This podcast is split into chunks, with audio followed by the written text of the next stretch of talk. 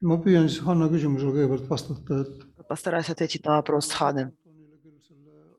Я Антону отправил программу предмета, который я собрал, который я сделал до того, как пришел сюда. Я думаю, что А, о чем мы говорим, когда мы говорим о диаконии? Что это такое? И мы также с вами немножечко поговорили о том, что вы подразумеваете под диаконией. Вы ответили на вопрос. И что такое, да, диакония? И вторая тема, что мы разобрали, мы просмотрели с вами Ветхий Завет, как Ветхий Завет э, говорит нам о потребностях человека, а, о диаконии, также как социальность, э, социальная работа проявлялась в Ветхом Завете. Также мы с вами посмотрели и Новый Завет, и как, как диакония, как понятие в Новом Завете стало формироваться, как, как, как возникла вот эта позиция диакона и диаконисы. И очень вкратце мы прошли о причинах, почему, почему э, э, мы с вами рассмотрели значение монастырей, которым впоследствии, на основании которых впоследствии появились и больницы, и учебные заведения. И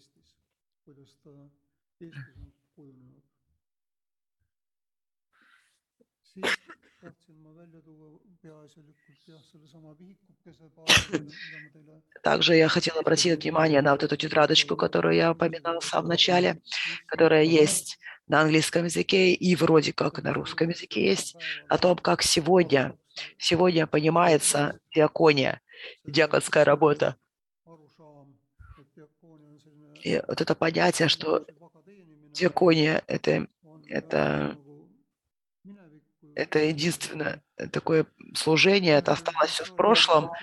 И Джон Коллинс, австралийский теолог, э, он, он как ре- реформаторская церковь взяла идею этот Колли- Коллинса э,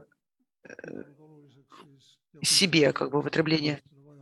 и э, сказал, и, и диаконию как бы подстроили по потребности этого мира. Отсюда появляются новые такие понятия разные, э, такие понятия, как гуменичность и так далее. Также нам нужно рассмотреть э, работу церквей и общин с общественным сектором и также другими секторами. Что мы, что мы можем делать в рамках нашего контекста церковного, что мы можем делать в рамках э, государства. И отдельная тема – это тема общ- общества, что значит строительство общественности, а как значит, что значит вовлечение общества, что значит организация. sotsiaalse ettevõtluse teemaga ja, ja eestkoste teemaga. ja siis lõpuks У меня интернет прыгает.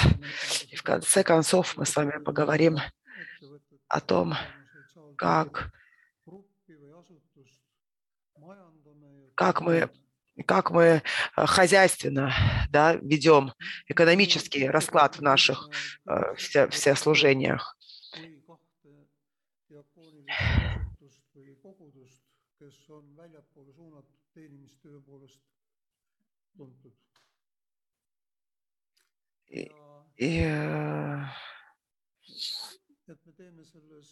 külastuse käigus и мы с вами будем во время посещения делать конспекты относительно того, что мы будем видеть. То есть я так понимаю, что мы посетим несколько таких э, а, мест, где совершается диакония, и мы тогда сможем картографировать работу церкви и диаконии, и рассмотрим это все с теологической точки зрения, а также с экономической точки зрения.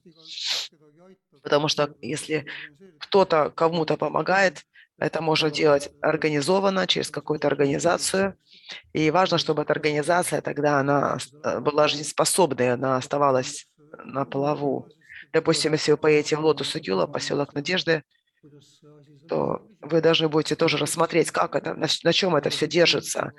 И э, люди делают много чего для того, чтобы эта организация э, была жив, ну, жизнеспособной. Да? Если мы пойдем в Петели-центр, то вы должны также подумать там, а, как они функционируют, на чем базируется их работа, где любовь к ближнему, где социальная ответственность, в чем выражается.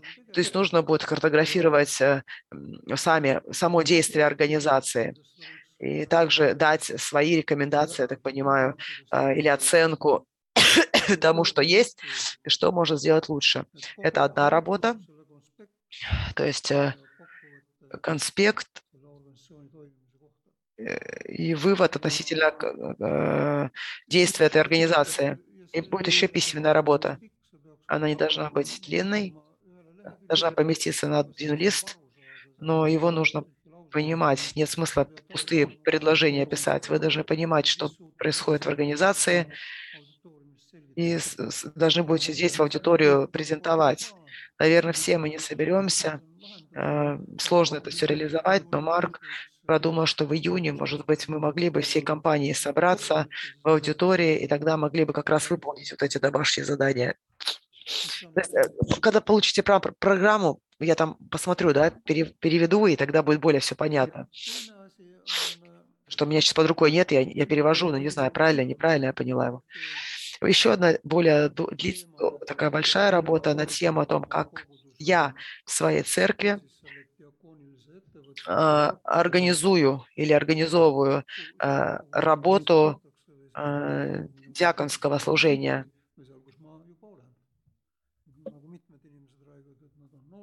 Некоторые говорят, что он работает с молодежной работой, кто-то работает с реабилитационной работой. Вот подумайте, как вы это можете делать в рамках церкви. Понятно более-менее, о чем речь? Не слишком большое задание, надеюсь?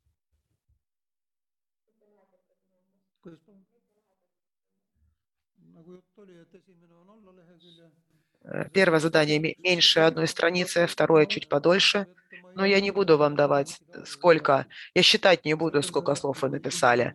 Просто на основании того, как вы поняли, что значит христианская ответственность, что значит диакония, что значит служение, как он практически применяет это.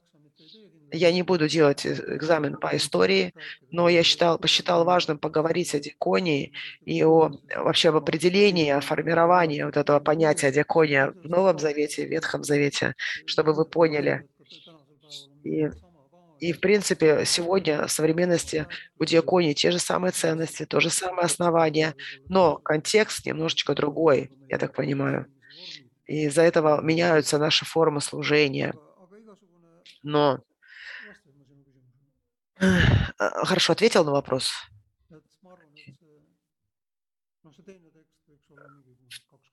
Второй текст, может быть, второе задание, два, три. Все зависит от того, насколько вы продумали. Человек, может быть, схему нарисует вообще. Я не знаю, как, как, как, как вы думаете? Некоторые э, думают при помощи цифр, картинок, э, образов каких-то, формул каких-то, описаний. То есть вы можете все это использовать.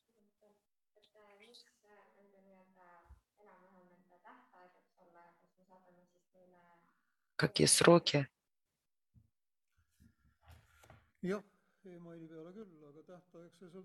Э, срок э, э, зависит от завершения нашего курса здесь.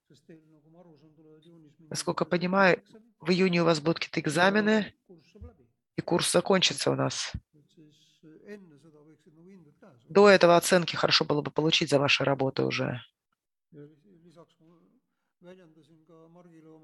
Также Марку я надежду сказал Тайню, подумал, что, может быть, с кем-то с кем-то из вас возникнет у нас такие хорошие отношения относительно служения какого-то, может быть, мы вместе какие-то планы можем сделать, можем какие-то проекты написать, можем с кем-то из вас, может быть, мы можем какую-то организацию сформировать. Сколько вы вообще учитесь? Мы второй курс.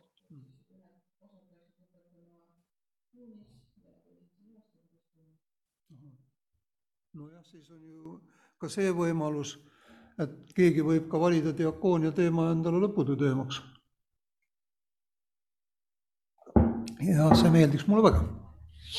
sest et nagu üks targem mees ütles, et Как мудрый человек сказал, жертвы много, но делателей мало.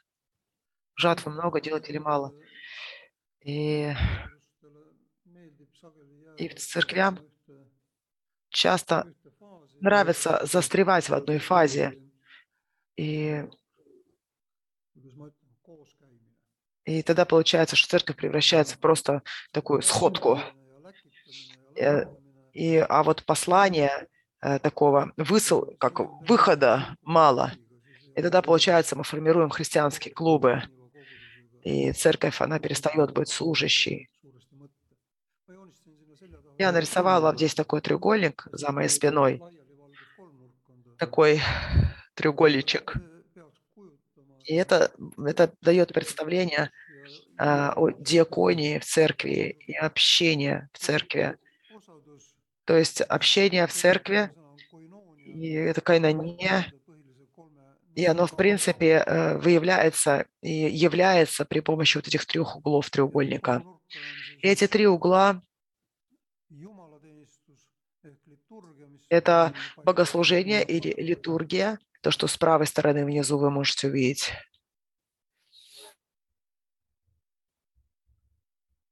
Он выключил себе микрофон. А, нет, не выключил.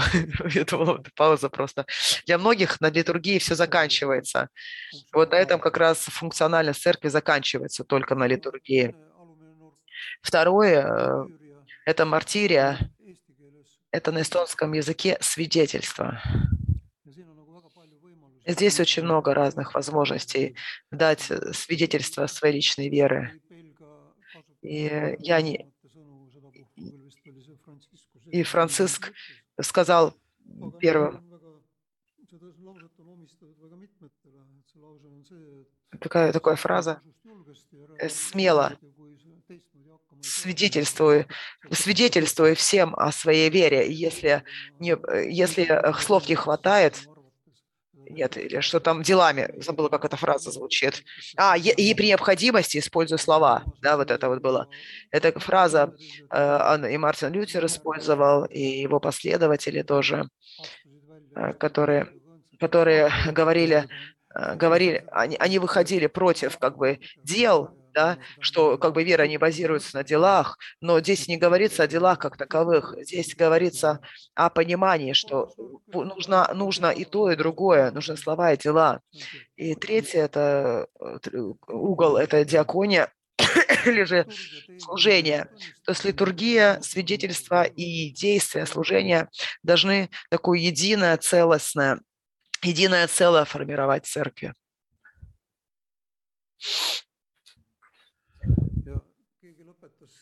И кто-то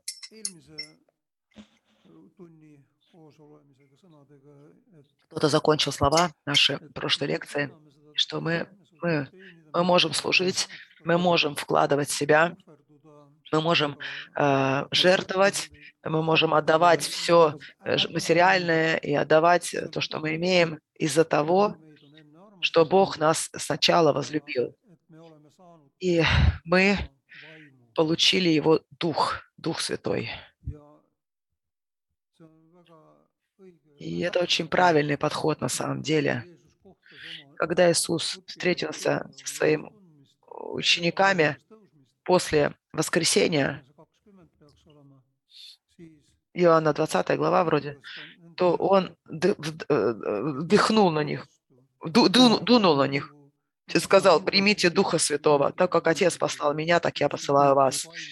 И как раз именно в Духе мы получаем силу, и именно в этой силе мы можем совершать что-то, делать что-то в этом мире. Мы можем изменять ситуацию в лучшую сторону. И это означает, что Иисус и его ученики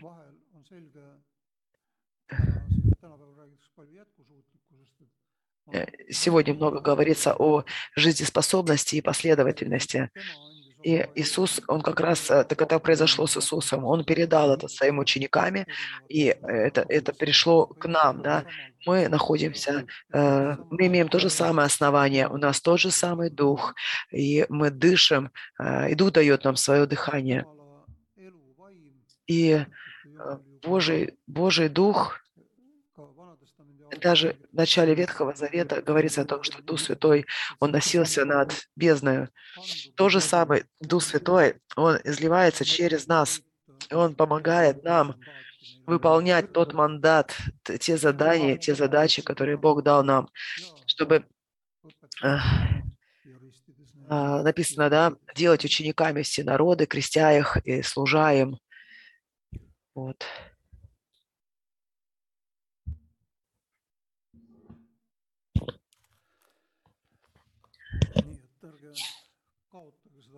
Поэтому не теряйте духа, не теряйте вот это, вот это, э, вот это э, чувствование Духа Святого в ваших сердцах.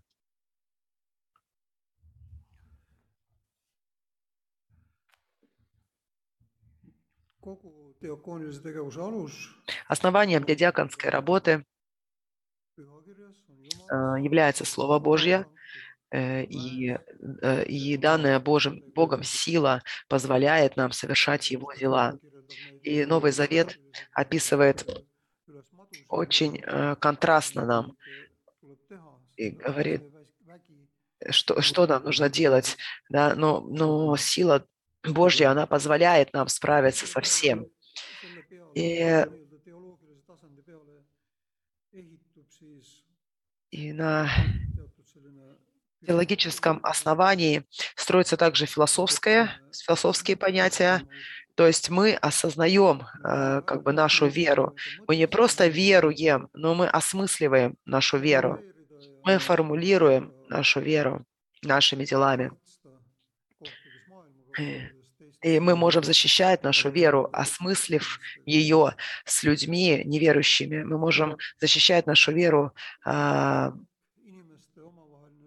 от нападков этого мира.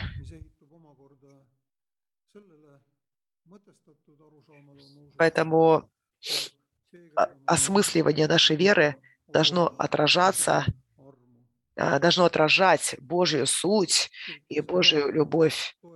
Церковь не может опираться опираться, и, э, Библия и церковь не может как бы смиряться с тем, что людей разделяют и говорят, одни достойны, другие недостойны. Церковь, она должна достигать всех людей, э, как тех, кто являются нашими э, братьями, сестрами, но также и помогать другим людям в этом мире.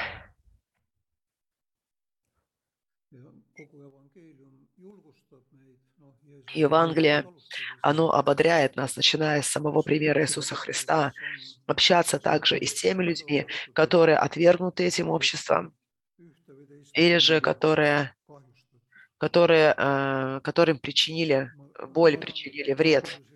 Я знаю церкви, которые считают себя э, собранием святых и, и криво смотрят на людей, которые находятся вне церкви. Но меня такое ощущение складывается, что святость, она не Э, Бог дает нам святость, Дух Святой дает нам силу, и мы не должны становиться церковью, которая отвергает, отвергающей церковью. То есть два слова, которые легко перевестись, это эксклюзивность и инклюзивность. Диакон, диакональная церковь, она и их позиция всегда инклюзивная, вовлекающая, а не а, исключающая. То есть церковь, она вовлекает новых людей, которые приходят из улиц, с улиц, которые приходят там с поселка Надежда, приходят они с тюрем, откуда угодно. И церковь за счет этих людей становится сильнее, и она также э, сильнее, да. Всегда нужно считаться с тем, что люди все до конца э, все люди созданы по образу и подобию Божьему. И любые санкции, любые, любое отвержение, оно, оно, а, оно нарушает вот это подобие Божье. То есть оно э,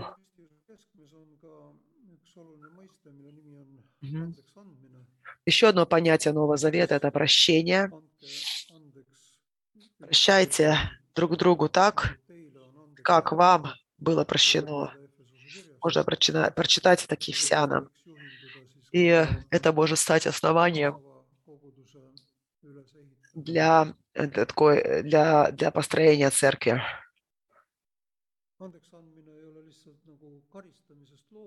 Прощение – это не то, это не, это не отказ от наказания, а прощание э, – это созидание новых отношений, созидание новых отношений в группе, в обществе.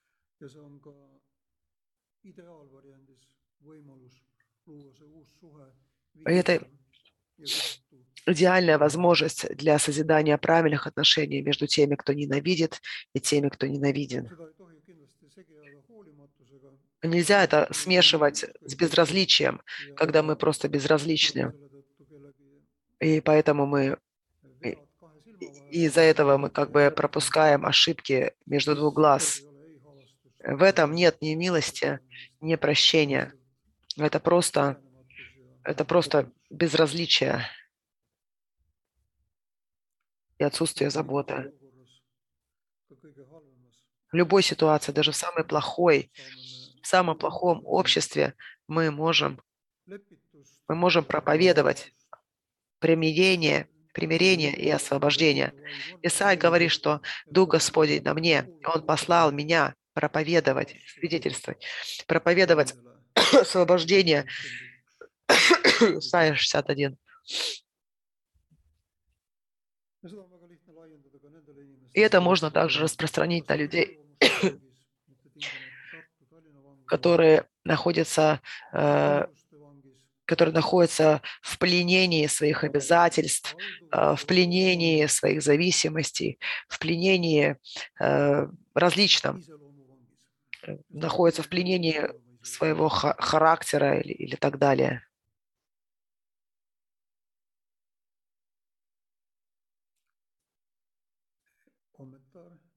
Есть у вас какие-то комментарии?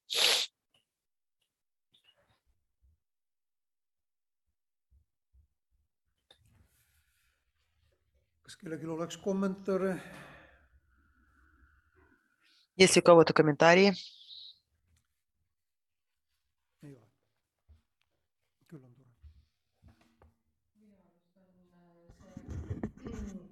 vangis oleku näide kuidagi läheb väga hästi praeguse eluga kuidagi kokku. Пример заключения, допустим, заключение обязательств. Человек берет на себя столько обязательств, и, или, и тогда, или, допустим, для него очень важная работа, и получается, что человека просто он ограничен, не может посмотреть наружу. И он находится вот в этом пленении, в этой тюрьме. И у тебя даже нет времени, может быть, да, и желания думать о ком-то другом и смотреть за пределы своей семьи, за пределы самого себя.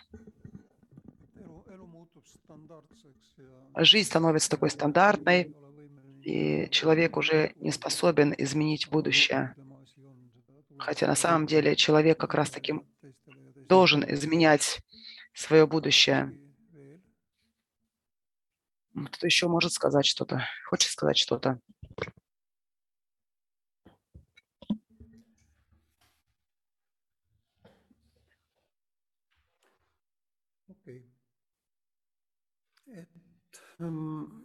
Ütlesin, et kõige on я бы сказал, что основанием для всего это Библия.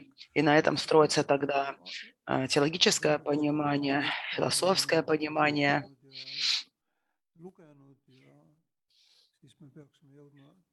И э, в конце концов, а, поразмыслив над всем этим, мы должны переходить к действию. Как я еще вижу диаконию? Это юридический уровень, уровень правосудия. То есть мы все занимаемся, э, занимаемся в, в своем каком-то своем каком-то правомерном пространстве. И у каждого оно свое. И- И мы можем участвовать в формировании вот этого легального пространства. Мы можем э, начинать, э, мы можем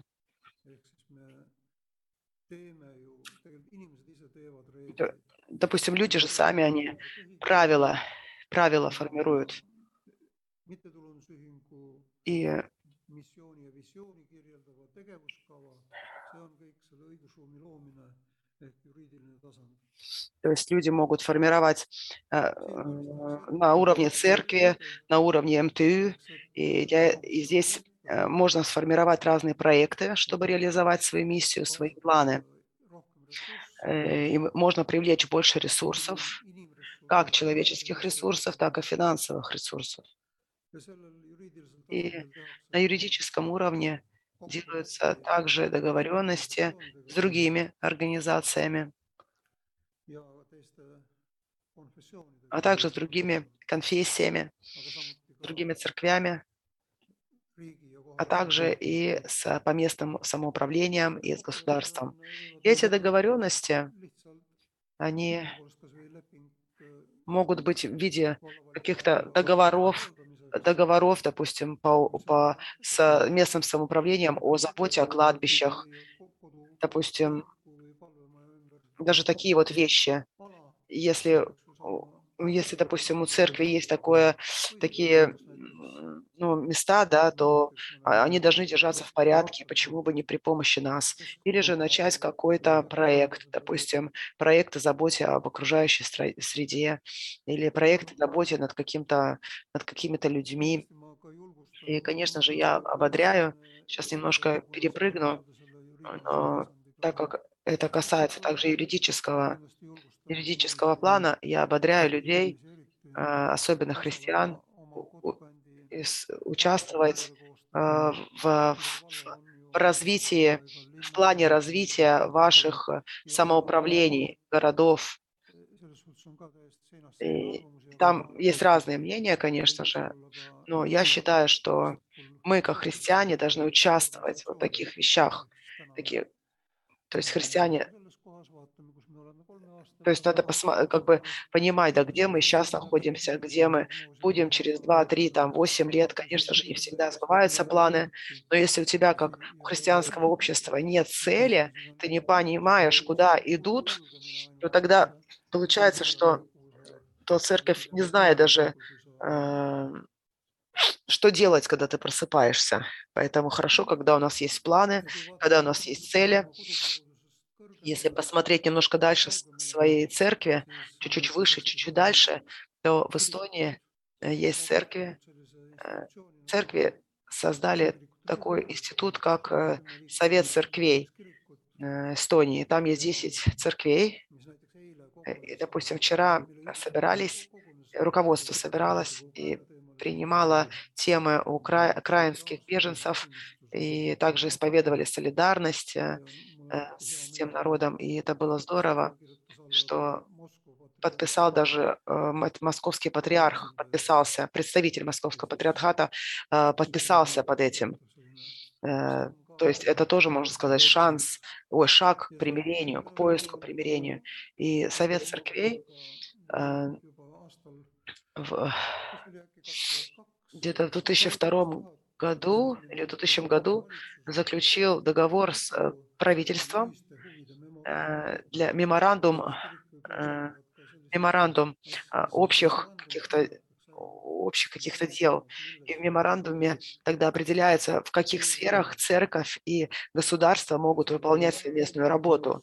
И, допустим, там было определено, что э, наша совместная работа с Министерством внутренних дел, что Министерство внутренних дел, оно поэтому считается с церквями, считает, сколько человек.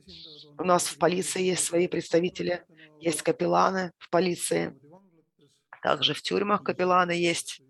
А, Это здесь уже у нас совместная э, работа с Министерством юстиции. И у нас также у нас развивается диаконская работа, капелланская работа с социальным департаментом. Э, Капеллан у нас есть в домах престарелых, в больницах. Капеллан – это это человек, работающий э, в государственных структурах, у него, и выполняя при этом духовные задачи. Помимо того, что у него духовные задачи, у них есть его еще у него есть обучение э, с государственной стороны, как бы капелланов и душепопечителей есть свой стандарт, э, профессиональный стандарт. Э, Есть такое понятие, как куцекота.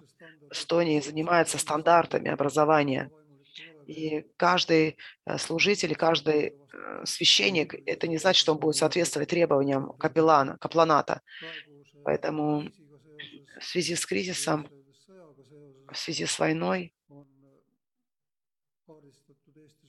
в Эстонии а, уже определены а, душепопечители, которые готовы служить, и они находятся в, центра, в центрах, а, ведут работу свою, служат. Их 75 человек. И такая социальная, Министерство социальных дел координирует их работу. Катри, главный капеллан социального министер- Министерства социальных дел, как раз руководит вот этим. Поэтому на уровне государства также э, договора составляются, и также составляются и договора на международном уровне. Самые большие такие мировые организации христианские, они предлагают даже свои идеи э, ЮРО, то есть эм, как там назвала ЮРО, а, ООН, а также делается предложение Европейскому Союзу.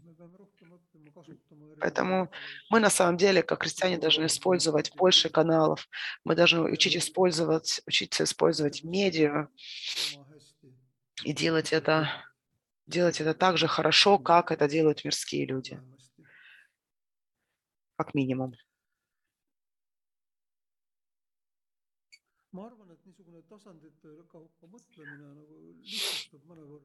И это вот такое вот tegevust, такого рода мышление помогает нам структурировать и планировать нашу работу на пра- правовом э, уровне, на социальном уровне. И социальный уровень это там, там, там уже более практическую форму обретает работа. Есть временная работа, есть постоянная работа в социальном статусе, на уровне социального, социального чего-то там. То есть это могут быть какие-то церковные структуры, могут быть какие-то подорганизации, не облагаемые налогом организации, предприятия.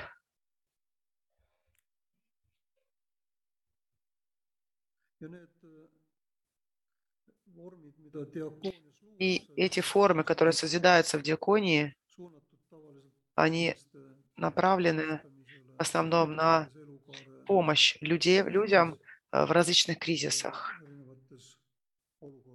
и в различных ситуациях.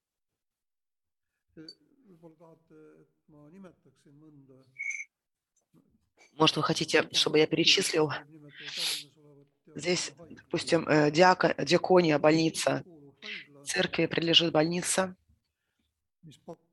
которая предлагает э, услуги хосписа, э, паллиативную э, медицину.